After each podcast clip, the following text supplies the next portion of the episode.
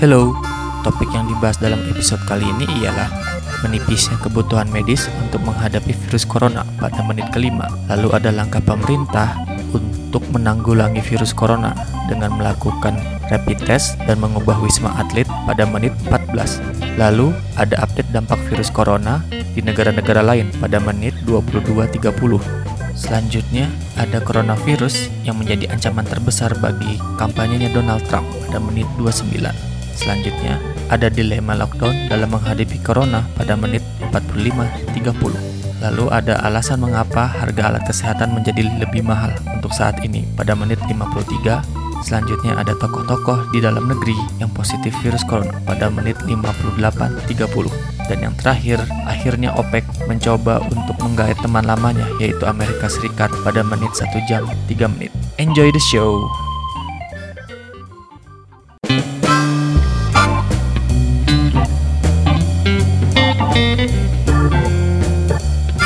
Selamat datang di What's Happening Podcast, podcast yang membicarakan tentang ekonomi, politik, sosial, teknologi, dan lain-lain. Bersama gue Arif Dan dengan gua Panji di episode 40.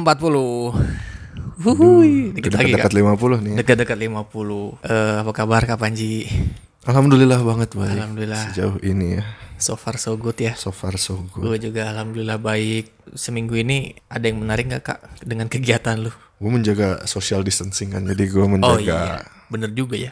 Cuma gue sempat keluar beberapa kali untuk beli kebutuhan untuk orang lain sih Hmm. yang nggak bisa keluar gitu kan. Jadi karena ya udah karena gua bukan orang yang termasuk eh, rawan gitu. Iya. gue bantuin gue keluar beliin barang tuh juga dengan penuh kehati-hatian Hmm, dengan iya. masker dan Oh, pakai masker. parno-parnoan iya Oh. Jadi kalau ada orang terlalu dekat gue langsung "Huh, jauh. Nyoba nyari jam-jamnya tuh yang kelihatannya nggak banyak lagi nggak banyak orang gitu. Nggak nggak peak hour ya. rasa. Heeh. Jadi minggu kemarin di Bandung sepenglihatan gue gitu ya Hmm. agak sepi. Sepi ya. ya. Cuma Senin kemarin, Hmm. kemarin berarti ini hari Selasa kita rekaman. Iya. Kemarin hari Senin gue keluar lagi karena itu lagi nganterin barang Hmm. titipan. Tiba-tiba Bandung lebih rame dari minggu lalu. Minggu lalu gue keluar dua kali, lebih sepi dari waktu Senin ini kemarin ini gue keluar. Hmm. Apa karena ini persiapan belanja gitu mereka? Mungkin juga gue mikirnya mungkin ya karena orang udah mulai seminggu di rumah butuh Hmm. belanja lagi gitu kan Iya, untuk seminggu ke depan. Tapi yang gue lihat tuh bukan orang-orang kayak di ruko-ruko yang jual furnitur gitu juga mesti ada. Oh. Jadi kayak ke kegiatan normal tuh udah kembali lagi gitu. Ya sepenglihatan gue, gue ju- juga keluar paling cuma sebentar ya. Hmm. Karena gue nggak mau lama-lama. Cuma ya mungkin nggak semua orang mau mengerti gitu bahwa kita sedang perlu social distancing. Hmm, itu sih yang eh, apa namanya? Kita kayak kita kemarin bilang kayak ya orang-orang masih belum aware terhadap ini gitu, masih ada aja yang keluar. Kalau lu gimana nih? Seminggu di isolasi. Gua nggak nggak ke mana-mana juga sih. Maksudnya keluar rumah pun ya bentar-bentar doang, cuman kayak ke Oh, misalnya. soalnya kan ada orang yang kayak nggak tahan banget kalau nggak ketemu orang. Oh gitu. iya, Jadi ada sih. perlu say hello ke. Oh, kayak mereka juga pada nurut nih kayaknya, kayaknya ya. Cuma tapi ada aja yang gue lihat di sosial media yang sosial media teman-teman teman gue gitu ya. Kayak masih aja ada yang keluar kata gue, "Ya, ngapain lu? Oh iya. Iya, maksudnya ya bukan yang ngapain ju- juga sih, maksudnya ya lu nggak takut apa? Kalau gue agak parno soalnya. Gue juga agak parno. Iya, gue baru hari ini sih keluar rumah pakai masker biasa gue. Kemarin-kemarin masih enggak gue. Oh gitu. Mm-mm. Dan nggak jauh-jauh juga sih, cuman nyari masker ke sini, eh nyari masker udah pulang, terus ke ATM, ke, ke minimarket, pulang lagi gitu, nggak ya emang ada urusannya gitu, nggak Iya. nggak sengaja kayak oh hey, ayo hang out gitu, nggak nggak Jadi gitu. bukan nggak. untuk hangout juga ya. Iya nyari makan kadang karena kan gue ditinggal gitu di, di rumah sendiri jadi ya paling nyari ke masak juga gue kan gak begitu bisa ya kalau Indomie tiap hari juga capek Soalnya ini kesempatan eh Apa? buat nyoba-nyobain masak. Oh gitu. Gua tidak. Gua eksperimennya mending yang lain deh. Kalau bikin kopi gitu gua bisa ngoplos tuh. Hmm. Kalau misalnya masak gua aduh, mendingan beli deh. Iya Karena juga. misalnya gua lapar bikin masak gagal gak enak jadi bad mood juga, Kak. Oh gitu. Iya, mendingan yang udah pasti gitu. Kalau gue mah nggak enak juga gue hajar aja yang penting kenyang. Kalau gue masih gitu. Ada kesalahan gue sendiri juga. iya sih, ya gue gitu sih jadi kayak keluar juga bentar-bentar, Bah- bahkan gue makan pun di dibungkus gitu gue beli makanan. Iyalah, bagusnya begitu memang. Kalau gue karena gue takutnya sewaktu-waktu gue perlu ketemu sama kakek nenek yang membutuhkan bantuan gue gitu. Jadi gue setiap kali keluar tuh dengan penuh keparnoan dan gue bawa pakai masker, bawa hand sanitizer di kantong. Oh gitu Iya, kayak antis gue. pakai lo langsung disemprot. ya semprot. Gua Makanya gue gue nggak nggak berani lama-lama keluar karena hand sanitizernya juga gue kan beli yang kecil tuh. Nah, stoknya terbatas. Eh apa isinya? Iya, ya? isinya kecil. Oh iya, Jadi dan ngomong-ngomong soal ini ya peralatan hand sanitizer dan masker kan gue kemarin eh, keluar emang sengaja nyari kan buat stok di rumah lah. Maksudnya emang nggak ada di rumah gue. Ya. Karena gue mikir kayak yang lebih membutuhkan sebenarnya kan medis ya. Jadi Ya. gue nggak nggak ya di rumah mah cukup cuci tangan aja gitu. hmm, Tapi gue disuruh kan, udah beli aja lah buat ini. Oke, pas beli gue nyari-nyari di apotek yang terkenal tuh di daerah rumah kita. hmm, Pada habis. ya, Terus kayak ada kalau ibaratnya kan yang terkenal tuh kayak Kimia Farma K24 itu kan popnya lah. Ini Iya, gua ke iya. apotek yang indie. iya indie. Yang indinya gue. indie. Yang enggak ada yang enggak ada. Cuman ada tulisan apotek aja. Hmm, benar benar benar. Terus gua masuk kan. Emang langganan juga tuh. Itu gua bisa gua beli obat-obat tradisional karena gua di situ tuh. Obat tradisional. Iya, kayak misalnya emang eh, mereknya tuh entah apa tapi ampuh gitu. Oh. Tapi ada BP POM-nya gitu. Iya, iya, iya, iya. Yang orang-orang apa orang-orang tua dulu kan Obat-obat indie Ah, juga. kayak gitu kan ya, yang nggak ada di Kimia Farma bahkan di apotek-apotek yang lainnya gitu yang apotek-apotek yang terkenal lah Hmm, hmm, hmm. nah gue gue datang ke apotek Indi ini nih datang segitu oh, banyak yang beli ada beberapa yang beli terus gue ini tanya ada masker oh ada ada "Oh, kalau yang gini harganya ada yang bagus gitu yang kayak menutupnya tuh pas lah di, mu- di mulut Oh, lebih rapat gitu. lebih rapat tapi cuma sekali pakai doang Du- 20 20 ribu per Nah itu masker. gua gua kira 20 ribu Oh paling 5 biji 20 ribu 25 ribu tuh 5 biji Pak kata gue Enggak satu Satu mas nah. Hah? Oke Anjir pala aing euy. Serius nih Terus gue tanya ini ada yang gini doang Oh enggak ada kita nih merek Sensa Merek Sensa yang yang standar kan Sensa Ah. Sensa yang yang biasa dipakai medis lah Yang hijau Iya, gitu kan hijau. Berapa pas Oh satunya 10 ribu Anjir Serius nih Itu sekali Iya. pakai kan. Ini pakai Makanya. Kata gue oh ya udahlah mau nggak mau gue beli sih ya, kan. Iya, Ya demi- nah yang gilanya lagi dong ini gue beli hand sanitizer kan ya oh pak ada hand sanitizer juga nggak oh ya ada ada kita juga ada nih gue beli yang sebotol segede yang apa berapa ya? Dua mungkin 100 mili kali ya? Yang kecil segini yang yang sebotol minyak kayu putih aja yang sedang Oh iya iya iya. Ya, segituan ya 100 150 kali ya? Iya mungkin ya. oh, ya pokoknya nggak nggak gede-gede amat lah. Iya. gue tanya kan berapa pak ini? Oh ini kita dan mereknya nggak tahu loh itu gue. Gak ada mereknya. Terus mau nggak mau ya gue kan buat jaga-jaga ya gitu Iya. kan. jadi gue beli aja berapa pak? tujuh puluh ribu. Hah? Serius kata gue kayak hah tujuh puluh ribu Lebih kecil dari susu ultra nggak? lebih kecil Oh iya, susu ultra soalnya 200 mili. selalu udah milih itu lebih Iya, kecil 100 milian, Iya. 150 milian ya. 150 milian lah terus ada yang 500 mili dia bilang ma, harganya 200 ribu yang ukuran keluarga yang kayak lu di depan itu berapa tuh Nggak tahu. Oh, Soalnya itu. kalau kalau gue Yang kayak gitu 200 ribu tuh. Karena ibu tuh kan sangat ini sama kebersihannya. hmm, Jadi sebelum wabah corona pun udah nyetok udah, ada udah masker juga, udah ada hand sanitizer tuh udah ada gitu loh. Jadi Hmm. waktu kemarin eh, tiba-tiba orang nyari-nyari tuh Hmm. di gua udah ada. Cuma gua kan perlu ada orang yang nitip kayak kakek nenek Iya iya. yang perlu juga gitu Hmm. kan. Nah, waktu nyari buat mereka nggak ada. Akhirnya gua ngorbanin stok gua. Oh, gitu. Sebagian dibagi-bagi. Ya gue kayak speechless aja "So, mahal ini gitu. Kaget loh gue hand sanitizer. Iya. Terus kan orang-orang juga yang sekarang tuh rush hour- eh, apa? Panic buying itu yang ini kayak yang bikin hand sanitizer manual gitu. Yang bikin Alko- sendiri. Iya yang katanya pakai alkohol 70% dicampur sama aloe vera sama lidah buaya. Eh aloe vera juga lidah buaya ya?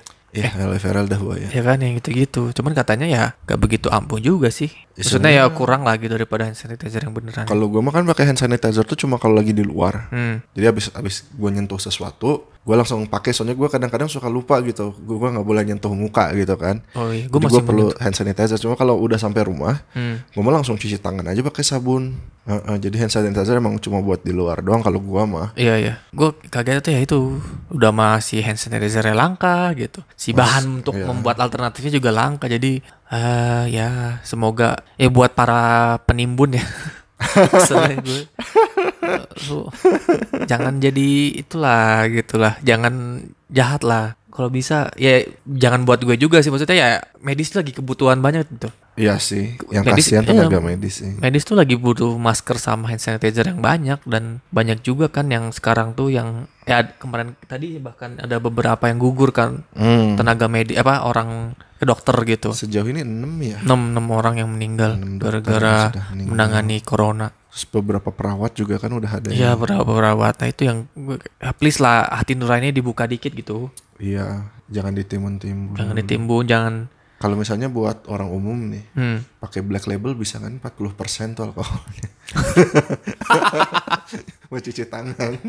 iya langsung menguap ya Langsung. atau enggak yang lu tau gak sih yang dulu tuh kok ada tip X tuh yang pakai apa sih larutan apa sih tip X nya Oh iya. itu kan juga itu itu kan alkohol kan Tip X zaman dulu iya ya. iya, yang kuas kayak ada kuasnya gitu Ah, loh ah, ah, yang ada ah. dua tempat kuasnya tuh yang satu buat tip X nya gitu yang satu ada cairannya tuh Cairan pelarutnya, itu Pelarutnya. kan. Heeh. Itu kan Gua ke- nggak tahu tuh apaan tuh. yang, yang katanya magic nih magic dikasih air airnya menguap ya kan berarti alkohol kan Kayaknya sih ya. Ya, Iya, dulu gitu. anak-anak zaman dulu mau mabok gampang oh, iya, iya.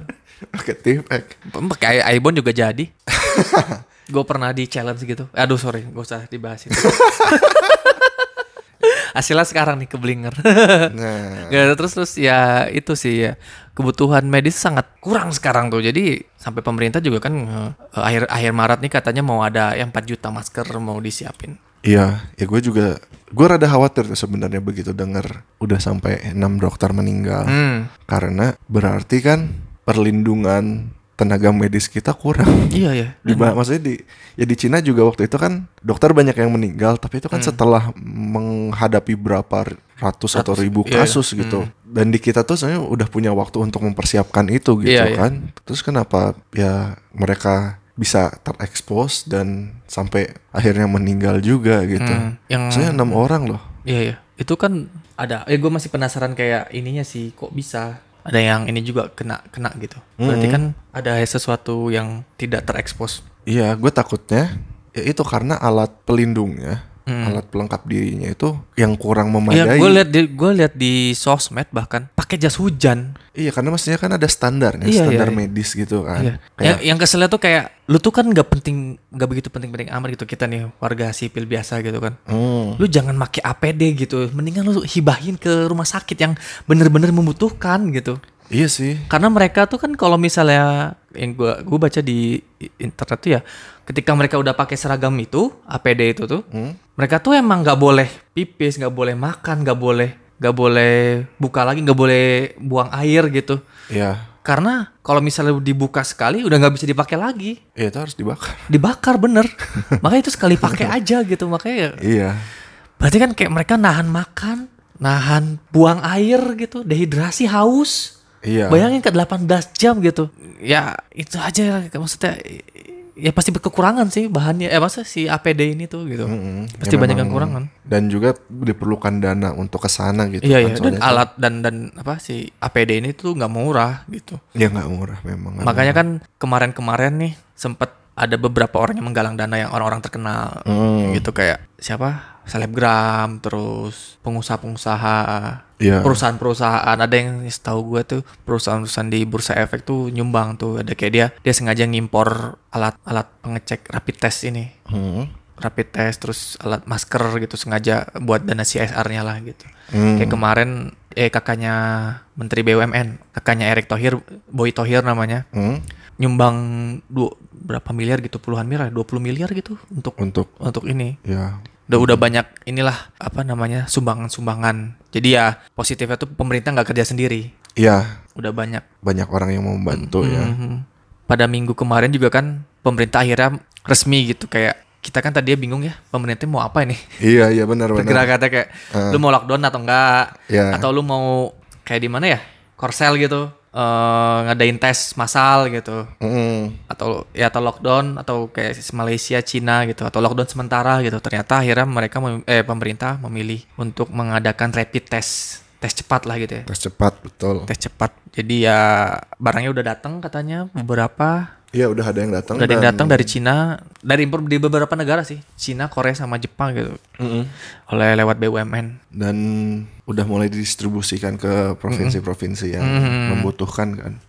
Memang nggak semuanya dapat ya kalau nggak salah. Iya iya, dan, itu yang masih terbatas masih kan? terbatas sih. Impornya juga bertahap sih, jadi berapa ratus ribu gitu alat tesnya. Hmm. Jadi ya cuma seratus ribu dulu atau seratus ribu, seratus lima puluh ribu kalau nggak salah, yang gue tahu. Iya, dan itu akan dilaksanakan mulai dari tanggal 25 ya, hari Rabu. Besok dong. Besok ya. Iya besok. Kota Bandung kalau dari Detik tuh dapat kuota sekitar 2000 Oh dua ribu. untuk Kota Bandung. Udah langsung ini ya, ada datanya. ya. Ada, tapi ya memang bukan untuk semua orang jadinya kan. Iya, iya, Jadi iya. ini untuk Paling yang yang ODP, yang PDP, sama yang lingkungan lingkungan keluarga dari PDP. iya. Terus yang berarti apa yang yang gue baca tadi tuh baru aja. Hmm? eh kategori A itu, kategori B itu yang interaksi antara eh, apa kayak petugas umum kayak misalnya petugas Ah, iya. stasiun bandara, Iya, iya. ulama, Orang yang tugasnya emang ketemu orang. iya gitu emang kan. ketemu orang gitu-gitu. Petugas jaga tiket mungkin, Iya. Security juga. security ya ya ya polisi, polisi harus juga deh. Eh, Polisi baiknya sih. baiknya sih ya. Petugas kesehatan yang kategori A tuh yang masuk. Karena Oh, dia, iya, jelas, dia dia ya. dia kan ringsa, maksudnya yang orang yang nanganinnya Terus gitu. kata gue petugas kesehatan tuh harus reguler di diceknya loh. Hmm, Karena mereka ya yang terus-terusan Iya. paling beresiko gitu kan. sangat tinggi berisikonya. Mm-mm. Nah, ada apa lagi kak? Update berita tentang corona ini. Oh, iya. Kita Baru- langsung opening. Baru tadi siang kan Pak Jokowi meresmikan ini eh, Wisma Atlet Hmm. yang di Kemayoran Hmm. Eh, dirubah gedung 5 sama gedung 7-nya ya. Jadi ada yang gua baca itu, yang gua, dan gua tahu ada empat tower, Oh ya, tower. eh, empat tower, dua tower untuk si tenaga medisnya, Mm-mm. yang untuk logistik eh, dan pusat informasi si ini koron COVID ini, Ya. COVID-19. Nah dua towernya lagi ini tuh khusus pasiennya apa? Ya, dan itu kan di, dibedain kan pasien yang Hmm. kalau pasien yang katanya darurat banget mah memang masih, masih di rumah sakit rujukan. Iya iya. Cuma kalau untuk pasien yang gejalanya lebih ringan katanya kok eh, Akan sistemnya tuh jadi kan. dicek dulu ke rumah sakit rujukan nanti kalau itu baru dilempar ke itu Iya, kalau nggak terlalu serius Heeh. dilempar ke sana. dilempar ke sana. Sebenarnya ini langkah bagus ya. Gue gak kepikiran loh. Emang maksud juga ya kayak di episode 39 kan Hmm. minggu lalu gua bilang kita tuh nggak punya kapasitas Untuk- buat bikin rumah sakit baru secepat Cina. Iya iya iya. Jadi ya mau nggak mau pilihannya ya itu menggunakan yang Fasilitas udah ada. Iya benar-benar. Kayak di mana di Brazil atau di mana gitu yang dia stadium bola tuh udah direlakan untuk Eh, eh, di tempat sementara, sementara. gitu kan. Jadi ya solusinya kalau nggak bisa bikin rumah sakit ya begitu. Lagian wisma atlet juga kosong. Nggak dipakai dan dia bisa menampung banyak, Banyak, gitu banyak kan waktu bekas ASEAN Games. 2000 orang di situ. Heeh, jadi menurut gue itu pilihan yang bagus, cocok Hmm. dan juga ya udah ada gedungnya. Tinggal gimana caranya bikin gedung itu lebih layak untuk Hmm. eh, kesehatan gitu. Ya ruang-ruang karantina dan isolas- isolasi. Hmm, terus kan banyak rakyat sekitarnya yang khawatir gitu kayak lah ini kan virusnya nyebarnya gampang gitu. Hmm. Jadi ya kata presiden kan juga udah ada kayak tempat untuk nanti limbahnya tuh udah khusus Hmm. nggak akan menyebar ke mana-mana semuanya udah dipikirkan gitu. Iya iya, ya enggak pasti sudah udah dipikir ada tim res- manajemen resikonya juga sih. Ya, Enggak mungkin mudah-mudahan sih itu benar. Ah, benar-benar. prosedurnya semua dikerjakan dengan benar gitu. gua gua sih ya apa kaget juga sih. Maksudnya oh iya iya bener juga ya bisa kayak gitu ya. Ada gedung yang nggak dipakai dan bahkan hmm, gua baca yang koran bisnis kemarin tuh ya ada beberapa pengusaha yang menghibahin juga eh, hotelnya. Hotelnya, iya iya hotel. Kayak grup grup grup Maya Pada grup tuh gitu tuh dia dia ngehibahin hotelnya tuh. Iya. Respect gue. Terus sebenarnya kayak kayak apa ya gedung serbaguna, venue-venue Iya iya. itu kan bisa kan nantinya juga akan didisinfektan lagi gitu Iya iya. setelah pemakaian. Disterilin lagi pasti. Disterilin lagi sebenarnya kan kalau mau bisa dipakai Hmm. dulu gitu Iya, ya kayak rumah sakit swasta juga menghibahin si rumah sakitnya untuk jadi tempat penampungan. Karena karena kalau ngelihat dari datanya kan di kita tuh meningkatnya tuh lumayan cepet ya Hmm. Dari tadinya dua baru, baru berapa minggu yang lalu Belum, dua ini, ini bahkan belum sampai sebulan loh. makanya sekarang kita udah 686 hari ini Berapa? ada 686 hari ini aja yang naik itu 107 kasus baru, enam orang baru meninggal. Terus jumlah kematian kita tuh mengkhawatirkan dibanding Iya, iya. dengan jumlah kasusnya. Iya iya. 55 dari 686, hampir hampir 10 persen ya, Hampir 10%. 8 persenan ya. Udah 8 persen. Itu yang mengkhawatirkan dunia tuh itu.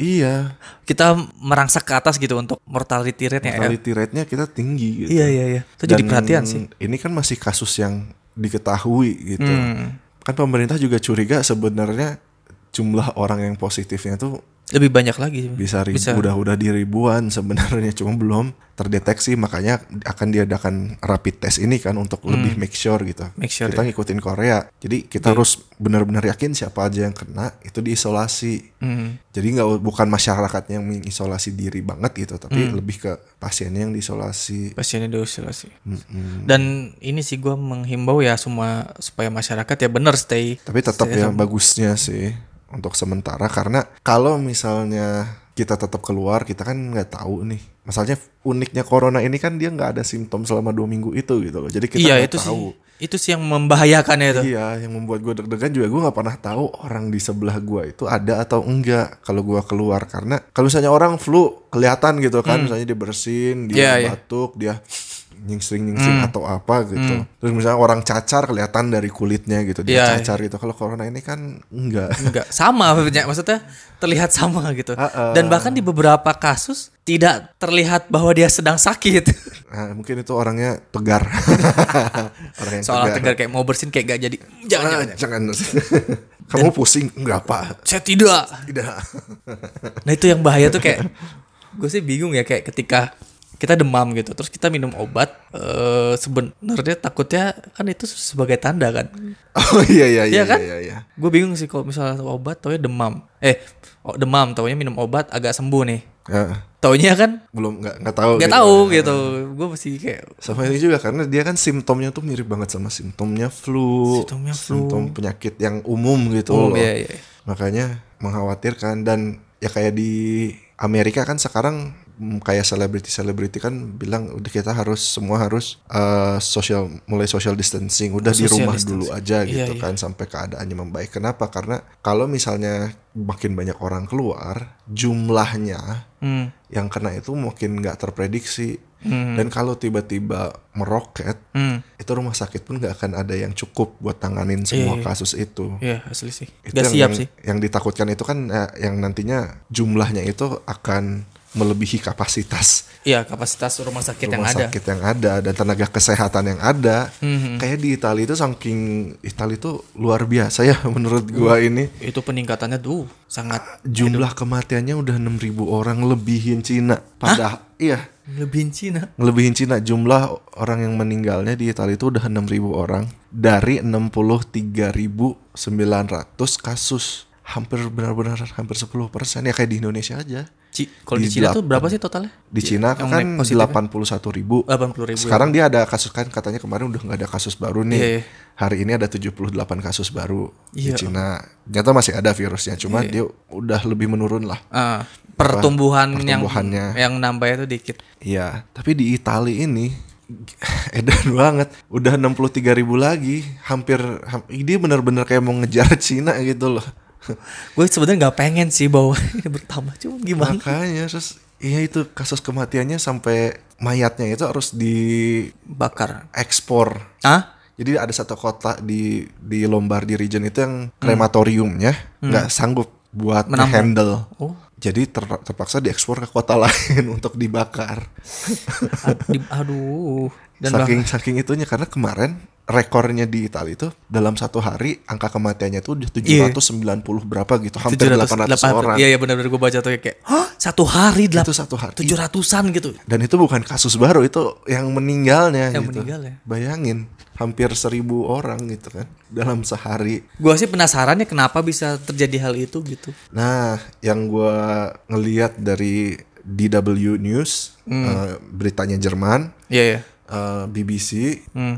Inggris, Channel 4-nya Inggris, Hmm. sama CNN, mereka itu memiliki konklusi yang sama bahwa warga Italia awalnya meremehkan. Oh, nah. Jadi waktu dibilangin oh, kita harus eh, ini harus apa tinggal di rumah kita harus Iya. social distancing. Hmm. Mereka nggak mau, mereka tetap sombong kayak ah nggak ada hubungannya sama gua. Ah, gua kan saya gua kan kuat buat Hmm, karena jadi virus mereka ini, bilang kayak gitu. gua kan masih muda. Iya, katanya sih karena itu. Jadi begitu mereka kena, mereka nggak tahu sudah virusnya udah nyebar, baru mereka sadar bahwa oh iya ya, ini tuh berbahaya Iya, gitu. Dan karena banyak populasi tuanya juga kan yang Iya di di Eropa. Itu katanya karena dulu waktu disuruh Lockdown. lockdown Tetap- mereka agak bandel di Hmm. awal-awal. Bahkan sampai Kuba ngirim dokter ke Italia ya. Kuba ngirim dokter ke Italia, Rusia ngirim dokter, Hmm. alat kesehatan, Hmm. terus kayak alat sterilisasi, ya, ventilator, alat kesehatan ventilator, masker, APD terus gitu protective gearnya gitu. Itu dikirim sama dibantu sama Putin Oh, ke Italia. ke Italia. Hmm, Kuba Ada juga. persaudaraan lama kali ya. Blok Timur. Itu gue gak tahu ini kok kenapa negara-negara komunis yang ngebantu Italia. Enggak kan Italia juga dulu kan sama Mussolini. Eh siapa sih? Italia mah kan sama Nazi sama Jerman. Oh iya iya, iya sama ya benar benar. Enggak yang yang pemimpinnya juga kan yang galak tuh. Iya Mussolini. Mussolini kan ya. Mussolini kan sama Hitler sama Jepang tiga Oh iya tiga tiga. itu kan. Iya, iya, iya, benar. Mungkin ini kayak persaudaraan ya. Ya kita dulu punya musuh yang sama gitu. Enggak enggak bercanda. Itu ya Komunis nih yang sekarang ngebantu. Iya benar.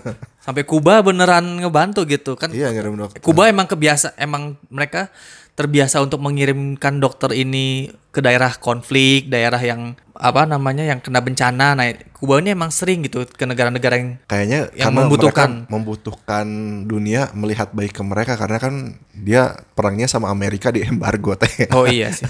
Di embargo ya, ya. Jadi dia butuh dunia tuh ngeliat bahwa dia tuh negara yang Baik gitu. baik gitu. Eh, ya ini juga ya ini baru pertama kali nih dia ngirim ke negara maju. Ke Iya, iya. G20 ke negara G20 loh. Eh G7 bahkan. Italia masuk G7 loh. Iya, Italia masuk G7. Oke kayak uh dibantu Kuba. Cina kan udah Makanya Cina udah G- G7, Cina negara-negara negara-negara kaya, negara maju aja tunduk gitu dengan virus ini. asli. Makanya Indonesia juga nggak boleh Meremehkan. sombong, Iya, dia nggak iya. boleh meremehkan virus ini dari awal mestinya. Iya emang harus social distancing itu penting tuh. Makanya banyak nih lagi campaign kan udah di rumah aja, di rumah aja. Ya memang itu. Tapi ini gua di rumah loh kak. ya apa? Maksudnya kan ya mau gimana lagi?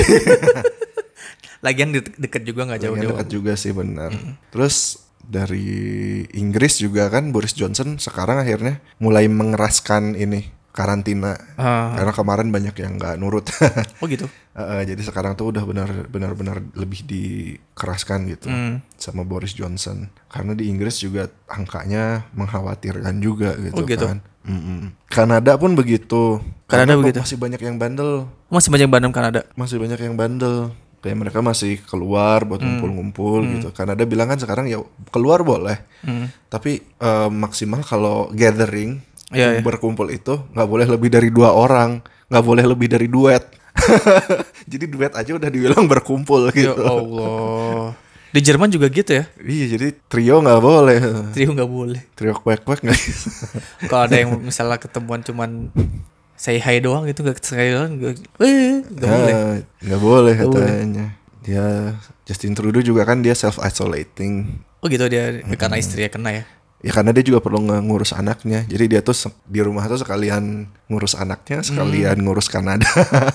Ya emang anaknya masih bocil sih. iya makanya, karena anaknya nggak boleh dekat sama istrinya gitu Ah. kan. Karena istrinya kena positif dan belum sembuh sampai Iya. sekarang belum ada kabar sembuh. Terus kabar dari Angela Merkel. Ya Angela Mer- Merkel. Angela Merkel mengisolasi diri Hmm benar-benar karena dokter yang waktu itu meriksa Angela Merkel tiba-tiba positif. ya. positif corona.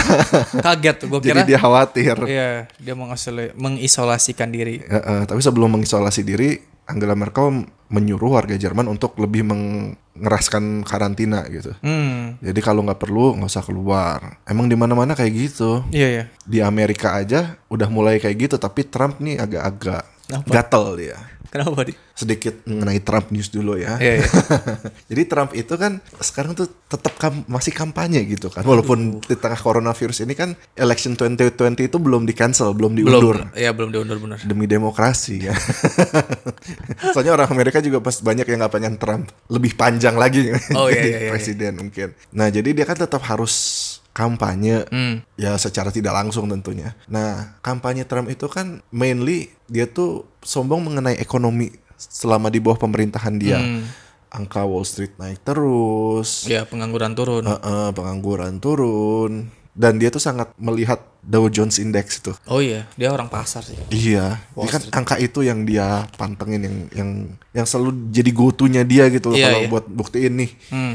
Pemerintahan gua berhasil. Hmm. Nah sekarang kan karena virus corona, DJI kalau gue lihat dari berita tuh merah, Hmm. Kayak tebing lah, merah, curam. merah, merah, merah. Kayak curam itu. Ekonomi Amerika kan las- la- ya maksudnya bukan Amerika doang ya, ekonomi di mana-mana lagi terpuruk. Semua lembaga survei gitu kayak suka ngasih rating atau ngasih pinjaman kayak IDB, World Bank, IMF, OECD, bahkan apa ya Fitch Rating, S&P, Morgan Stanley, eh Moody, Moody's itu kan lembaga rating gitu-gitu ya. Ya, Ada lembaga rating, ada lembaga yang ngasih duit utang gitu, Hah? kayak IMF. Semua pada prediksi wah, pada turun nih gitu.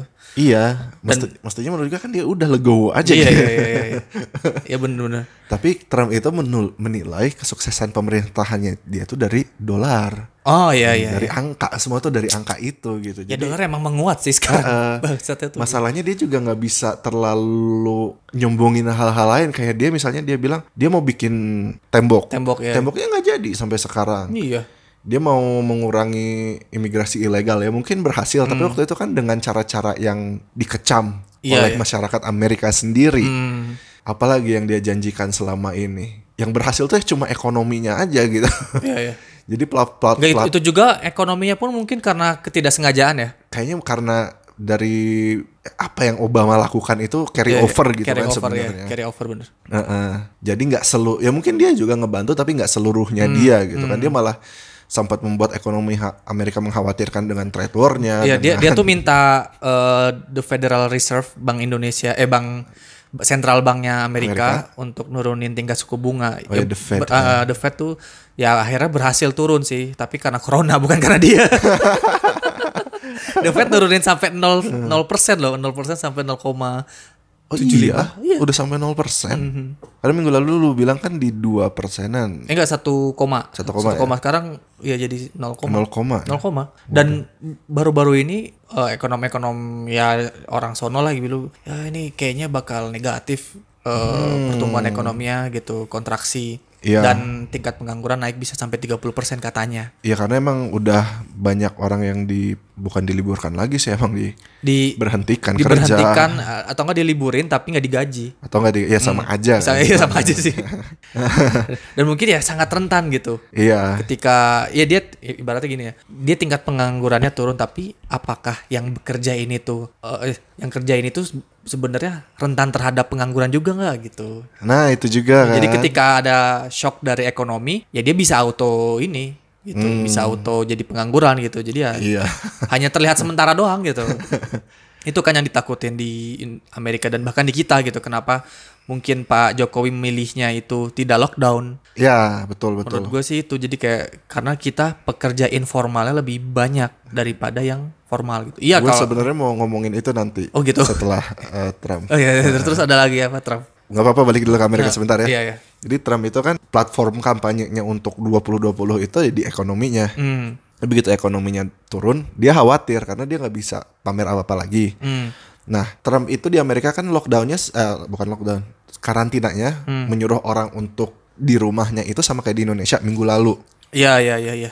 Dan dia ngasih waktu dua minggu, sama kayak kita juga dua minggu. Oh, Berarti iya. kan minggu ini tuh minggu kedua dan terakhir. Hmm. Mestinya minggu depan kalau sesuai dengan rencana dan tidak dirubah, orang-orang udah Aktivitas. boleh beraktivitas lagi kan. Hmm. Nah di Indonesia kan juga belum diumumin nih apakah ini akan diperpanjang social distancing ini atau enggak. Hmm. Di Amerika pun belum diumumin, tapi Trump ada tweetnya yang kayaknya dia udah mempersiapkan warga Amerika untuk kan ini udah dua minggu udah selesai, Hmm. ya udah balik kerja. Soalnya gue butuh ekonominya naik. Ya Allah, kapitalis ada yang, sekali. Heeh, jadi ada ada indikasi bahwa dia Tidak ingin memperpanjang ya? tidak ingin memperpanjang karena ya selama minggu kemarin kan Gua udah turunnya turun banget gitu, Oh, iya. lebih turun lagi ya karena nggak ada kegiatan apa kegiatan ekonominya sangat sangat minim gitu Minim, kan. minim. Nah itulah yang membuat dia harus mencari cara bagaimana eh, biar ekonominya naik. Ya akhirnya dia ya Fox News juga kan menyuruh kayak ini nggak usah takut sama corona. Jangan sampai katanya apa namanya gara-gara corona kita ngorbanin ekonomi kita gitu loh. Duh, hah? Terus ada ya, ya gue ngebaca di New York Times kan, dia ini opinion piece gitu. Hmm. Si penulisnya bilang, tapi kan ekonomi juga yang ngeran ekonomi itu orang Iya, iya. dan orang-orang yang sehat gitu. Kalau Ah. misalnya sekarang orang-orangnya dipaksa untuk kerja minggu Hmm. depan saat virus ini masih merajalela, Hmm. nanti malah makin banyak orang yang kena virus dan nggak bisa tertangani oleh sistem kesehatan di sana Hmm. Orang yang bisa aktif di ekonominya makin berkurang dan ekonominya nggak akan terbantu untuk jangka panjangnya. Hmm. Jadi ya gue nggak tahu apakah Trump nggak memikirkan sampai situ gitu bahwa kalau dipaksa juga nantinya ekonomi akan turun Eh. lagi gitu karena makin banyak orang yang nggak bisa kerja juga pada akhirnya Iya. kalau kena sakit gitu kan. Aha. Apakah dia benar-benar segitunya gitu? Hmm. Tapi di kemarin si apa Kongres atau ya pemerintah tuh eh, menggodok UU stimulus efek corona. Ya iya benar. Salah satu yang dibahas itu ya peningkatan likuiditas hingga 4 triliun US dollar dari bank sentral duit stimulus. Jadi kayak bank sentral ngebeli obligasi gitu-gitulah. Dia kan Supaya masih negosiasi di Ya masih di Senat di Senat. Demokrat itu Tertahan, ah, tertahannya di Demokrat Demokrat menolak karena ini ketinggian apa kata si apa eh, Senat di Demokrat bilang ya apa ya tidak sesuai dengan yang dianggar apa yang di yang seharusnya gitu ini ketinggian katanya. Gue nggak tahu berapa. Tapi lu tapi lu tahu kenapa di di, di Jadi kalau kalau yang gue baca sih yang di apa ya si De- Demokrat menolak kan? Menolak. Menolak kan? Karena kan itu dia tetap harus ada plannya jadi uang itu tuh untuk apa aja. Oh ya ya ya kan? Hmm. Demokrat tuh nggak setuju karena Nggak- nggak- nggak- terli- terlihatnya itu cuma untuk membantu big business bantu apa? Big business. Oh big business. Bisnis bisnis besar perusahaan-perusahaan besar. hmm. jadi dananya itu kurang untuk justru untuk rakyat biasanya itu budget dari dari breakdownnya itu nggak sesuai. Hmm. makanya eh, baru hari ini Nancy Pelosi itu ngajuin proposal baru untuk oh eh, negosiasi gitu. Iya, Jadi iya. nih proposal barunya ah, dia minta 2,8 trili Triliun. trili- triliun ya ah. tapi penggunaannya itu yang dirubah gitu. Hmm, yang yang ini bukan yang kalau nggak salah tuh yang ada ngasih subsidi untuk yang menengah ke bawah gitu atau Iya cash jadi transfer bener. ntar untuk household household itu ntar Hmm. ada bagiannya, terus untuk bisnis bisnis yang terdampak Ya. Bisnis kecil terutamanya ada bagiannya. Jadi mereka akan lebih fokus ke bawah dulu baru ke atas. Oh. Karena iya. mereka beranggapan ya big business kan masih ada kayak reserve atau apa yang bisa Iya. membantu mereka survive gitu. Sedangkan masyarakat Amerika yang perlu hidup day to day gitu, Hmm, yang self employed, hmm. yang punya Yang harian lah. Iya yang punya usaha Pendapatan, iya. kecil, usaha mikro itu kan mereka pendapatannya sangat bergantung dengan pendapatan harian gitu. Iya, iya. Dan mereka juga perlu masih perlu ngegaji karyawan gitu. Hmm. Justru mereka lebih struggle struggling daripada perusahaan-perusahaan besar Iya bener. yang sebenarnya masih punya Eh. sesuatu yang bisa mereka gunakan. Mereka ada simpanan. Masih ada cash cash reserve, ada reserve macam-macam lah. Iya, iya. Jadi itu yang kenapa Demokrat nggak setuju karena ya biasanya Republikan kan lebih mengutamakan itulah donatur donaturnya. Kalau gue di bisnis sih dibilang karena eh, usulan Republik ini mengatrol stimulus ekonomi menjadi 2 triliun padahal katanya nggak segitu budgetnya dengan Iya, jadi ada ada ada kekhawatiran bahwa kondisi ini tuh dimanfaatkan. dimanfaatkan untuk lebih ngebantu orang-orang yang sebenarnya sedang tidak perlu dibantu. Sedang. ya maksudnya keadaan keadaan lagi kayak gini gitu loh ya. Tapi beberapa ekonom bilang ya ini terlambat gitu. Sebenarnya harusnya Iya karena Trump memang terlambat. Terus iya, iya. makanya Trump itu kan dia tuh khawatir nama dia jelek untuk re-election tuh karena dia terlambat. Hmm, dan udah mah dia terlambat ekonomi turun jadi dia nggak ada yang bisa dibanggain banggain lagi. Makanya dia punya satu strategi terakhir. Hmm. dia mendeklarasikan dirinya sendiri sebagai wartime presiden karena dia menganggap bahwa war- wartime Oh. eh, presiden saat perang Oh. ya kayak waktu itu kayak Winston Churchill kan Winston Churchill. perang terus ke Amerika itu siapa dulu Roosevelt ya Oh, iya. dunia kedua Ya di Roosevelt bener-bener. Iya, nah ya kayak Perang si apa? Bush, si Bush juga kan waktu perang Irak wartime presiden masuknya Iya, kan. war- Jadi, itu sebenarnya Trump itu maksudnya wartime presiden itu kan dia berarti bisa menggunakan apa namanya Kewenangannya. Kewenangan. ada ada act khusus gitu di Amerika tuh wartime act gitu. Jadi dia bisa Oh. lebih mem- menyuruh bisnis-bisnis untuk yang nggak perlu tutup dan mengerahkan uh, resourcesnya untuk, keperluan perang kayak waktu perang J- dunia kedua Mhm. misalnya waktu itu pabrik panci nggak usah bikin panci udah bikin peluru Iya. besinya dipakai buat peluru atau misalnya ini besinya di diserahin ke perusahaan senjata untuk bikin tank untuk bikin Iya, apa iya, gitu iya, loh iya. jadi atau untuk bikin kaleng untuk bik- buat jerigen atau Iya, apa iya. gitu kan Aha. itu maksudnya ada ada act itu gitu Oh gitu ada gitunya ya. iya Oh Trump tuh ingin gunain itu. belum. Belum. Jadi saat ini dia cuma pengen mendeklarasikan dia dia tuh menganggap corona itu musuh Amerika Hmm. Yang harus diperangi dan dia bilang wah ya saya presiden yang saya menjabat sebagai presiden di saat peperangan. Itu tuh untuk electionnya dia iya, gitu. iya. karena dia udah nggak ada yang bisa dibanggain lagi kan. Jadi Oh, jadi dia tiba-tiba bilang ya kan saya wartime presiden pilih saya lagi karena cuma saya yang bisa menghadapi ini gitu loh. Karena corona ini yang bisa ngeberantasin corona ini cuma saya. Jadi dia nge-image membuat image dia itu sebagai wartime president. Yang Republikan kan juga pada suka itu gitu bahwa Oh, presiden iya, iya. yang kuat, yang Iya, iya. strong, Iya, wartime iya. presiden gitu. Jadi itu salah satu attemptnya Trump untuk nge- ngebangun lagi image-nya untuk Hmm. 2020. Kayak rakyat udah kecewa sih. Nah, padahal Hmm. gubernurnya New York, Iya. Andrew Cuomo, kan New York nih sekarang kasusnya di 15 ribuan nih. Iya ya. Hampir setengah dari total kasus Amerika. Gitu di situ tuh. 15 ribu orang ya karena New York kan padat banget dan orangnya tinggal tuh sangat berdekat-dekatan. Tapi eh, sorry, eh, ada udah ada beberapa yang di lockdown belum daerahnya? Ah, New dia York dia menerapkan Times, lockdown ya sih? Time- Times Square udah kosong sekarang. Oh. Times Square Ada berarti kosong. kan yang udah di- mulai, udah mulai. Udah mulai lockdown. Karena gubernurnya Andrew Cuomo tuh ngerti gitu bahwa Hmm. New York itu orang yang sangat padat. Jadi kalau Iya. misalnya orang nggak disuruh tinggal di rumah, bakal banyak banget korban dari Asli, New asli. York. Iya, iya kayak Jakarta lah gitu ya. Ya misalnya lu ke subway, Hmm. di subway itu kan dempet-dempetan di Oh, keretanya iya. kena berapa orang coba itu. Belum lagi nanti mereka keluar dari subway di jalanannya itu kan padat. Padat ya. Ya. Iya ya, street. Heeh, jadi untuk ngejaga six feet atau satu meter dua meteran itu Hmm. kan nggak hampir nggak mungkin di New York kalau semua orangnya aktif. Iya, iya, iya. Jadi terpaksa di lockdown dan Andrew Cuomo tuh meminta Trump untuk ya udah ituin yang wartime act itu loh. Hmm. Jadi agar bisa mengerahkan memaksa industri-industri untuk kayak bikin ventilator yang cepet, bikin alat-alat kesehatan yang dibutuhkan yang cepet gitu. Tapi Trump belum mau menggunakan itu nggak tahu kenapa. Eh karena bukan nggak tahu, gue tahu sih. Karena Trump itu mendapat pressure dari lobby-lobby bisnis Oh, jangan. agar pemerintah nggak ikut campur. Pemerintah nggak bisa tuh. Iya, dan Jared Kushner Ah. juga ngelobi demikian. Di biarin private business, private business. Government gak boleh ikut Berarti campur. emang beneran purely ekonomik gitu ya? Mm-mm. Jadi kayak ya maksudnya di Amerika itu bukan negara yang di mana government bisa ikut campur Urusan di urusan private business. Hmm, iya sih, iya sih, iya sih. Bener-bener. itu juga it- menurut gua mindset Trump juga di situ. Gitu Iya, loh. iya, Jadi iya. dia ng- dia mungkin bisa kayak minta tolong, cuma dia nggak akan mau memaksa. Hmm, bisa aja sih sebenarnya. Iya, ya kayak ke Google kan dia bilang ya gini-gini Google udah bikin website gitu kan. Seka- ya akhirnya Google bikin website gitu, tapi Trump nggak mau memaksa gitu, karena Iya, dia juga takut mungkin nantinya bisnisnya dia terdampak atau gitu. Hmm, iya sih. Emang Nggak ada nasionalisasi kata. aduh, ngeri-ngeri juga ya. Heeh.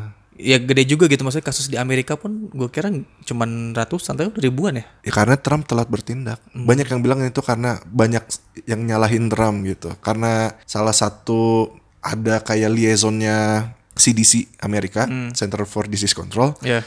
yang ditaruh di Cina dan beberapa negara mungkin ya. Nah Trump itu nyabut posisi itu tahun lalu bulan November. Terus jadi orang yang in charge yang jadi liaisonnya CDC di Cina itu ngerasa kayak lah saya kan nggak akan dibutuhin nih tahun ini. Jadi bulan Juli dia udah cabut balik lagi ke Amerika. Dan posisi yang ditinggalkan itu Hmm. nggak diisi lagi sama Trump. Ya karena itu Trump nggak menganggap hal itu penting gitu. Yo Allah. Trump nggak menganggap ya kan dia juga nggak menganggap alam itu penting. Makanya EPA dia kurangi. Iya. Ya dia mah ya Dia cabut dari kong apa bisnis Paris lama lah ya iya, dia iya. pokoknya minyak, minyak, batu bara, batu bara gitu-gitu yang dia pikirin gitu kan. Aduh. Makanya ada ada orang yang berpikir bahwa sebenarnya kalau si liaison CDC itu masih ada di Cina, Amerika bisa dapat al- alert yang lebih cepat dan lebih bisa mempersiapkan. Hmm. Ini kan enggak. Dan Trump sampai sekarang kan masih nyalahin Cina. Kenapa Cina nggak bagi-bagi informasinya ke kita? Ya lu. Nah, sampai dia tuh bilang ini tuh bukan eh, orang-orang kan bilang virus ini tuh COVID-19. Iya, iya. Kalau Trump enggak, dia bilang Chinese ini virus. Chinese virus. sampai orang-orang Cina pada kesel gitu kan. Iya, iya. kayak, Padahal Alibaba apa Jack Ma udah ngasih bantuan loh. karena Trump tuh ya itu dia tuh disalahin atas Hmm. responnya ini. Jadi dia mau membalikan kesalahan itu tuh dialihkan ke Cina gitu. Ini gara-gara Cina, ini Hmm. Gara-gara Cina. Nyari kambing hitam. Jadi kambing hitam. Jadi dia nggak mau disalahin itu. Jadi bukan salah gue ini salahnya Cina. Cina nggak mau komunikasi sama kita. Cina nggak bisa konten. Cina nggak ini. Cina nggak Orang ini. dulu yang nutup perdagangan Iya. sama Cina juga. aneh ya gitulah. Jadi dia dia sangat takut image dia jelek. Ya tahu sendirilah Trump kayak gimana. Ah, ya sangat pencitraan. pencitraan. Jadi ya dari Amerika begitu sih. Jadi kena respon Amerika itu mengkhawatirkannya karena Trump masih mikirin di election. Trump masih dikontrol sama big business, sama lobby-lobby bisnis-bisnis besar. Iya. Makanya respon di Amerika ini mengkhawatirkan dan diharapkan rakyatnya lah yang le- lebih bisa Meng- mengontrol mengontrol diri gitu. Walaupun ya kayak di Florida waktu itu kan lagi spring break sekarang. Iya. Jadi lagi masanya anak-anak kuliahan tuh libur. Mhm. Mereka kayak Nggak peduli. kayak nggak peduli. Gue kan masih muda. Gua bahkan kan di di maksudnya bahkan di bukan Amerika aja kayak di Sydney gitu deh Iya, eh, Di tapi Itali. sekarang Bondi Beach udah kosong. udah udah kosong itu Udah kan kosong. kan Soalnya- soalnya kemarin gue dengar masih rame gitu Ah, ah, tapi gue denger kemarin dari podcastnya BBC, hmm. katanya Bondi Beach udah dikosongin. itu anak mudanya terlalu sompral sih itu Iya, dan yang di Florida orang-orang yang party-party di Iya. Pantai itu Heeh. udah ada yang akhirnya dites positif. ya Tuhan jadi kita juga bahkan ada yang beberapa acara gitu kan tablik akbar eh bukannya semacam pertemuan antar inilah Iya, pemuka agama itu dibatalin sih untung dibatalin. Ya kan yang di, Ma- di Malaysia tuh karena karena tablik akbar Iya, ya, karena tablik akbar itu, itu. Malaysia. Bahkan Malaysia sampai nurunin militernya loh biar lockdownnya bener-bener lockdown. Iya benar-benar. Ah, ah. Harus di enforce sama soalnya banyak masih banyak orang yang Batu sih. batu dan nggak ngerti. Tapi ini loh, eh ini lu udah Amerika udah, Udah cukup. udah Amerika udah dulu. Eh, di ini terlepas dari ini ya kan kayak eh, Malaysia lockdown tuh sebenarnya tuh agak kacau juga karena Singapura kekurangan orang SDM. Oh iya dia butuh tenaga kerja dari Iya, Malaysia. ada Ah, 400 ribu orang yang bolak-balik Iya, tiap Malaysia, hari. eh, Dari Malaysia Johor. Singapura, Ah, Eh, dari ah, Johor tuh. Nah itu eh, Singapura tuh kesulitan itu, makanya kayak eh, bisa nggak? Ah, bisa nggak? Bisa nggak eh, lockdownnya ada pengecualian? gue baca kan kayak iya juga ya. Ini kan cuma maksudnya itu kan negara tetanggaan gitu kan. Iya, Dan, dan akses, aksesnya kan gampang kayak kayak Eropa aja lah gitu lah. iya dia tinggal nyebrang. Itu yang menjadi permasalahan dan logistik barang-barang kan dari Barang-barang. Malaysia. Singapura iya banyak. Iya. banyak, banyak ya. Bahkan air juga dari Malaysia Singapura sebenarnya. Oh iya ya dia kan dia kecil banget Singapura dengan Iya makanya itu yang populasi jadi segitu. permasalahan. Kalau si Malaysia lockdown, ya gue Singapurnya. kena nih ya Ah. gitu. Gak mungkin gitu. Gak mungkin gak nggak kena. Makanya kayak "Eh, bisa nggak sih kita rundingin dulu ini bro? Gitu. Jangan tiba-tiba gitu. Hmm. karena itu akses apa karena ya pergerakan orang di perbatasan tuh tinggi banget gitu. Iya di Malaysia. Johor tuh bener. ya kan? Itu tuh yang eh, apa penemuan baru menurut oh iya ya Mm-mm. jadi yang nggak bisa di lockdown full lockdown gitu Emang ada kesulitan kayak ya kita balik lagi ke Indonesia. Kenapa Indonesia nggak bisa lockdown? Bener kata lu. Hmm. Karena banyak orang yang membutuhkan uang tuh dari hari ke hari. Hmm. Itu masuknya jatuhnya eh, pegawai apa pekerja informal. Pekerja informal. Dan itu kan yang nggak tercover oleh ibaratnya BPJS kurang gitu, asuransi itu. kurang dan tidak terdata oleh ini Badan Pusat Statistik, Statistik, Statistik. gitu. Eh, jadi nggak dan tahu. mereka kayak nggak bisa dipaksa untuk berhenti gitu. Kayak kalau Iya. misalnya lu usaha-usaha yang membutuhkan perizinan, Hmm. lu bandel izin dicabut. Mereka kan takut izin Iya, dicabut, jadi iya. mereka nurut. Iya iya iya. Sedangkan kalau yang ya itu pekerja-pekerja informal, Hmm. mungkin mereka nggak berizin, jadi mereka nggak ada risk gitu buat ngebantah itu. Iya iya. Ya emang kenapa kalau gua ngebantah dan nggak ada izin pemerintah juga nggak ada, Iya, gua iya. bebas-bebas aja. Iya. Justru kalau gua nggak keluar, gua nggak bisa makan hari ini. Iya gitu tuh itu yang masalah. Mungkin itulah alasan kenapa eh, pemerintah eh, melak apa kebijakan tuh malah eh, rapid, rapid test gitu. Rapid test, Menurut iya. lu tuh bagus gak? Maksudnya udah Gue gue juga bingung ini. Soalnya ya itu di setiap negara dalam menghadapi ini beda-beda. challenge-nya masing-masing beda-beda Challenge-nya ya. Kalau di Indonesia kan karena memang masih banyak orang yang membutuhkan. Iya, karena gini kan kalau di gua di sosmed tuh kayak Hmm. tiru tuh Cina,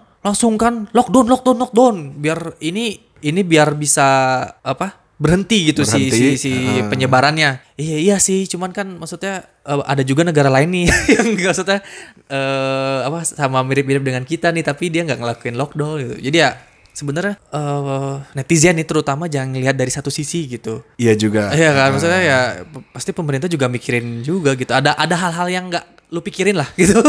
Kalau gue sih tetap mikir yang paling cepat tuh lockdown. Ah. Untuk jadi kalau misalnya ya udah kita ngorbanin misalnya tiga minggu tiga atau minggu, sebulan iya. gitu. Ah. Kita ngorbanin semuanya untuk benar-benar virus ini dikontain. Ya setelah itu setelah lockdown total itu lebih gampang buat semua orangnya bangkit secara bersamaan gitu kan. Hmm. Dibanding kayak gini kalau misalnya cuma partial lockdown gitu kan kita penyebaran masih beresiko ada gitu. Iya, ya tahu-tahu misalnya pas di lockdown hanya hari ini, taunya orangnya yang yang bawa carrier gitu, ya. Hmm. yang carrier bisa terbang ke mana ke daerah luar Jawa. Nah itu.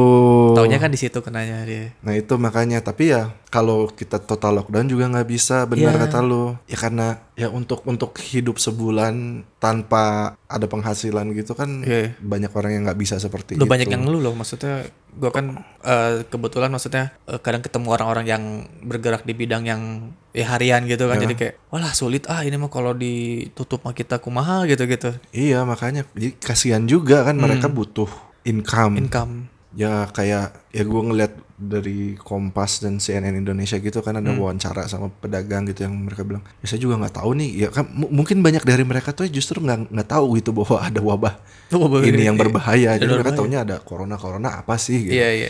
Ya itu dia ba- pemerintah belum terlalu efektif dalam menyampaikan. Maksudnya ke kalangan golongan atas menengah oke. Iya iya itu mungkin nyampe tapi ke menengah ke bawahnya mungkin belum semua pesan ini nyampe ke semuanya. Hmm. dan kalaupun sampai belum tentu mereka sepenuhnya mengerti. Dan katanya juga dari ya tadi gue nonton interview gitu kan di CNN Indonesia tuh kayak ada yang ada salah satu ahlinya yang bilang mungkin masih banyak rakyat menengah pun yang yang ngerti tapi cuek gitu mengabaikan. Iya iya. Karena ada berita juga gue baca di Google News tuh yang polisi di Indonesia polisi nyuruh orang ngumpul buat pergi malah ketawa orang. Kayaknya ngapain takut banget gitu. iya goblok tuh. Lu meremehkan corona hati-hati gitu. Masalahnya ya itu sejauh ini yang meremehkan corona mendapat akibatnya tuh malah parah gitu. Asli. kayak Trump, Italia, Itali apa kita belum ngebahas Spanyol ya gue gak, gak tahu loh Spanyol juga sebenarnya di Eropa tuh kan banyak gitu negara yang banyak Jerman aja 30 ribu udah hah Po- nega positif positif. positif Iya hari ini aja naiknya seribu. Tapi Spanyol ini kayaknya dia mau mulai kan USA udah mulai ngebalap nih. Sekarang dia di posisi ketiga. USA Di- ketiga Dia 46 ribu total kasusnya. Hmm. Yang meninggalnya masih 500-an. Ah 580 hampir 600 lah. Spanyol di Eropa tuh yang tertinggi kedua. Dia di angka 39 ribu. Hari ini ah. naik jumlah kasusnya sampai 4.500. naik Naiknya hari ini. jadi 4.500 Kasus barunya. Ah, Kasus baru yang terdeteksi 4.500. totalnya Enggak, totalnya mau empat Berarti eh, se- 39 ribu. oh ah 4.000 Baru. Iya. Jadi mungkin hari kemarin tuh di 35 ribu, sekarang udah naik lagi. aduh duh. Udah hampir 40 ribu. Total kematiannya juga tinggi di 2000 hampir 2700. Cina itu di 3200. Jadi dia hampir hampir mendekati Cina. ngebalap Cina untuk Masalahnya di Spanyol juga kayak di Itali, masih diprediksi ini bukan tahap terparahnya. ini masih ya, pro, ya Ini mereka masih bisa lebih parah lagi. Ya karena mereka kan kekurangan tenaga medis juga di Italia kekurangan tenaga medis. Hmm. Gue ngebayangin di Indonesia kalau bisa separ, maksudnya ya tadi kalau orang-orang nggak mau social distancing, Hmm. kalau nggak ada lockdown penuh dan orang-orang nggak dikasih pengertian Hmm. dari pemerintah informasi yang jelas, dibikin semuanya mengerti. Kalau Indonesia sampai kena yang terparah, Hmm. sistem kesehatan kita bakal kewalahan banget menurut gue. Hmm. Ya apalagi kita di antar pulau gitu kan. Iya antar pulau, belum lagi tenaga medisnya juga menurut gua bakal alat terutama kayak alat ventilator itu kan alat khusus Iya. yang nggak bisa dibikin cepat gitu. Kalau kayak masker mungkin bisa dikebut. Hmm. Cuma kalau kayak ventilator gitu kan dia butuh part-part khusus, dia Iya. butuh tenaga ahli untuk ngedesain, ngeran- ngebikin itu gitu loh. Dan ventilator itu kan lagi dibutuhin di semua, Semua- bagian dunia. Bahkan Itu yang paling susah nanti. ini sih eh gua ada kayak insight baru kemarin Hmm? baca di koran bisnis. Eh, iya sih harga masker kan mahal ya. Ya, Terus kayak ini serba salahnya penjual. ya,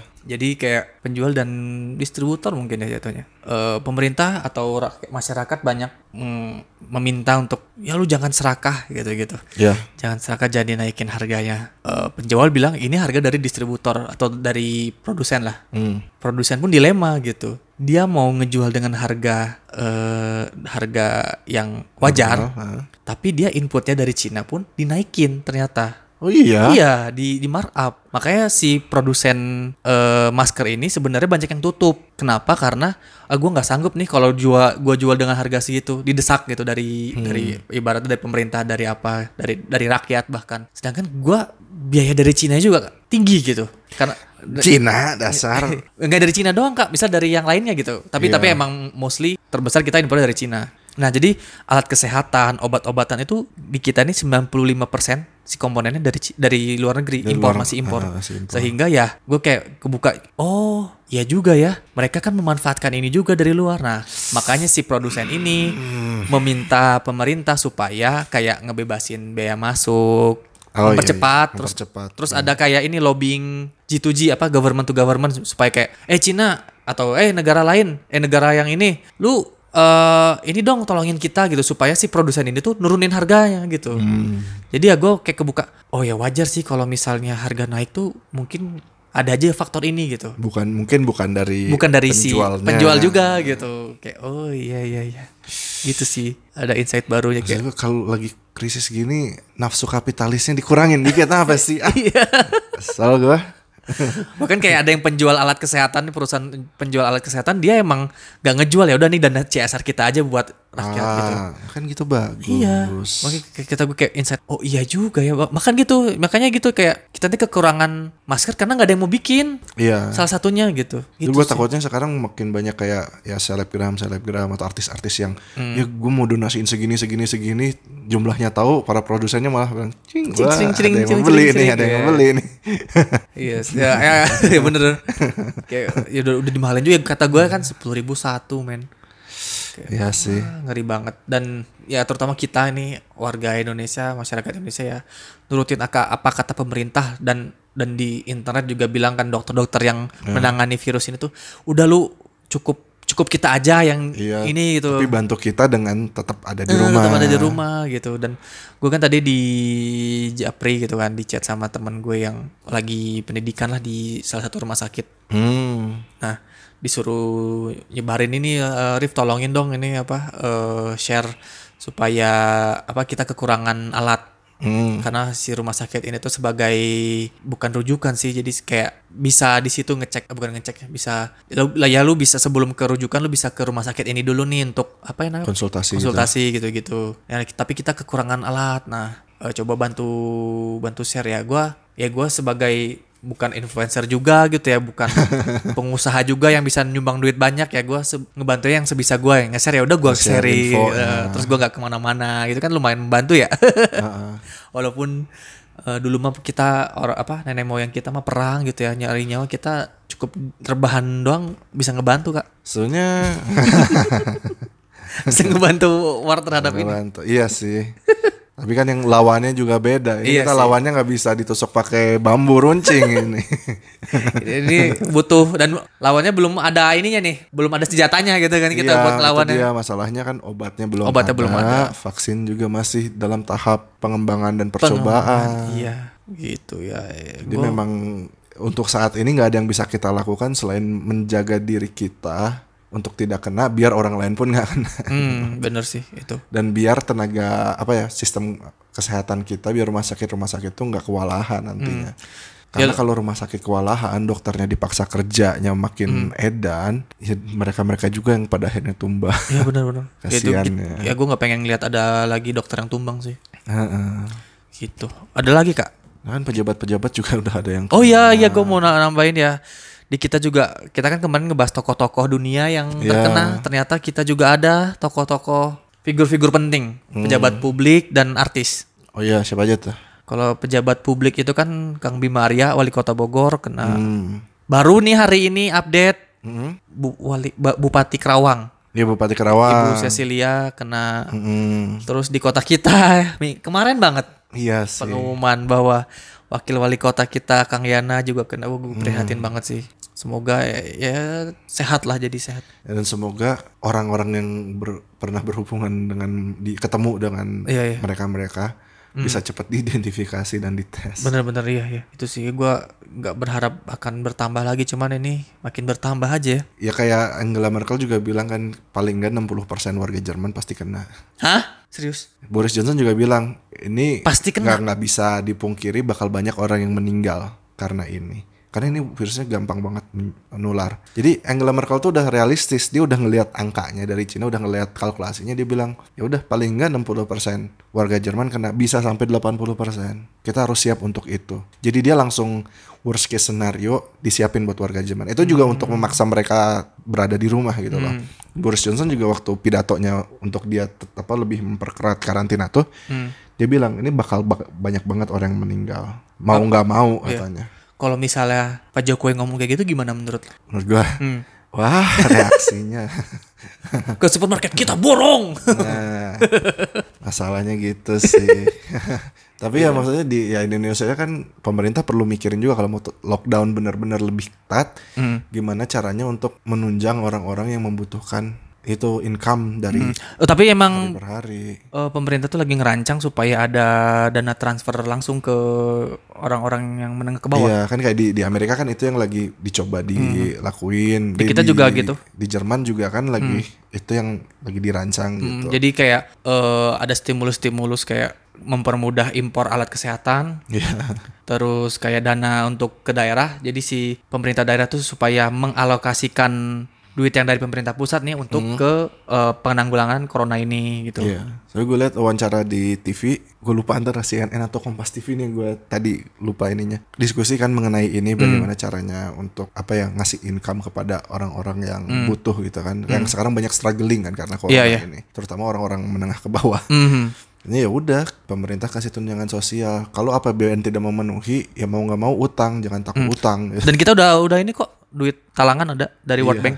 Jadi ya mau 500 ya, juta Ini dolar. realitasnya itu harus dihadapin gitu. Jadi Iya, iya. jangan takut utang. Emang ada beberapa yang di ini pemerintah lagi ngajuin eh gue baca ada lobbying Kementerian Keuangan supaya ada merubah si anggaran postur anggaran APBN-nya. Oh iya. Mm-mm, jadi emang bagus tuh. ada rapat supaya kayak eh, beberapa pos-pos kementerian nih Hmm. yang tadi anggarannya buat perjalanan dinas untuk atau rapat ini rapat itu dialihkan untuk eh, penanganan Bagus, ini bagus. Gitu dan emang persiapannya tuh ya salah satunya untuk ada ya cash transfer ini sih yang penting kata beberapa pengamat ekonomi sih itu ya Iya. untuk menjaga ini sih jaring pengaman supaya nggak at least lu ada daya beli lah Iya ya betul. itu selain ya pemerintah harusnya ya ini lebih sigap lagi nih dalam menangani ini Gue kan rada kecewanya yaitu pemerintah telat, menurut gue telat dalam Iya, bertindak iya, seperti iya. Trump juga gitu kan telat dalam bertindak karena terlalu mikirin ekonomi segala macam. Ah, iya, Kalau menurut gue ya kalau misalnya virus menyebar ekonomi akan lebih terdampak seperti sekarang gitu Hmm. kan. Tapi setidaknya sekarang gue ngelihat pemerintah udah punya step-step yang kelihatan gitu, udah ada rencananya untuk menghadapi ini. Hmm. Ya semoga rencana pemerintah bisa lebih di apa ya dimengerti oleh masyarakat dan sehingga masyarakat mau mengikuti anjuran Hmm. kita juga dari eh, kita boleh kecewa sama pemerintah tapi kita setidaknya menghargai usaha pemerintah. Usahanya iya itu juga. Jadi jangan lu pesimis mulu lu nanti eh, nyalahin pemerintah mulu padahal lu nggak ngapa-ngapain. Iya makanya. Oke gue juga kecewa gitu. Gue ngapa-ngapa ngapa-ngapain justru itu membantu. Oh iya sih, iya juga ya. Bener, emang dianjurkan kayak gitu kan? kita dianjurkan untuk tidak Iya ngapa-ngapain juga dulu. sih. Nggak kadang ada yang gitu kak yang kayak pemerintah uh, gitu-gitu, tapi lu sendiri nggak ada hasil nyatanya lu ngapain gitu. nah iya sih ya emang sulit sih ini tuh emang posisi yang sangat-sangat sulit menurut gue Hmm. Pemerintah juga pasti pusing lah. pusing banget ini Maksudnya kita ngelihatnya cuma dari satu sisi aja, padahal kan Mm-mm. ternyata ada sisi lain yang menurut pemerintah lu nggak. ya nggak ketahui Iya gitu-gitu sih. Gue berharap ini semakin bisa mereda ya. Menurut gue sih pasti bisa dilalui. Iya bisa bisa. pasti bisa dilalui. Ya tapi itu kata gue juga ini saatnya kita semua bersama gitu. Bersama, Jadi ya. menghadapi ini bersama masing-masing di rumah gitu. Iya ya. bersama tapi masing-masing di rumah. Ya keluarnya sepentingnya aja lah dan dan dan, dan pastikan bahwa safe ya. iya jangan bersama ngumpul-ngumpul. Iya bersama ngumpul-ngumpul loh di nongkrong gitu. Ada lagi nggak kak? ah ya Ini udah panjang juga sih. sekian sih dari gua mah Gue ada sih. Beberapa. boleh. Aduh di luar dari corona sih tapi ini ya sangat. apa Gue dapat kan kemarin harga minyak turun kan, amblas. iya bener Nah. turun banget Nah sekarang nih OPEC nih lagi mencoba konsolidasi dengan teman namanya. Amerika Iya, eh. untuk melawan Rusia Yo, Ah, iya, iya sih Jadi kan pasti. geng OPEC nih kayak wah bangsat nih Rusia nih ngacauin aja nih. Ya udah kita perang harga kan. Heeh. Terus kayak terus gimana nih supaya kita juga butuh kita juga butuh ekonomi yang bangkit gitu kan. Jadi mereka mencoba mengundang geng Texas namanya kan.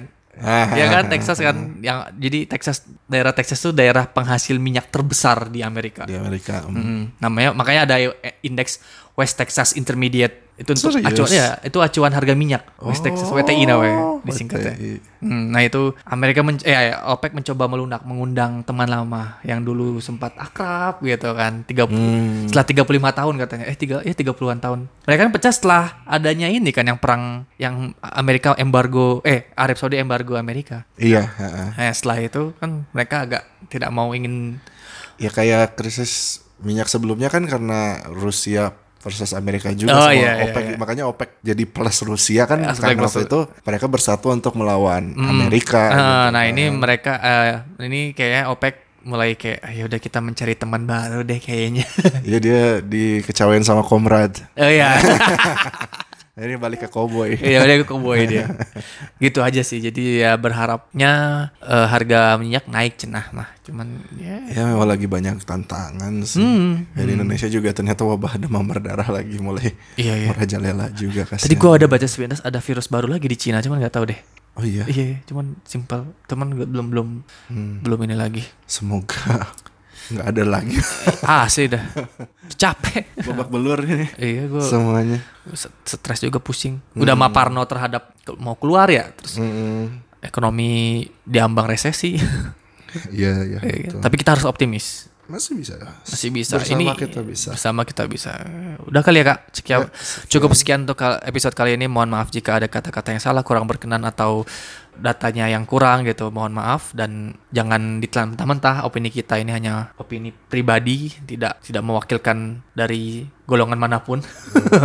ya mohon maaf jika ada kata yang salah. Sama kalau ingin masukan gitu atau kritik saran bisa ke Twitter kita di @wh_pod atau ke email kita di whatsappiningpodcast07 at gmail.com sampai jumpa di episode selanjutnya. Shining out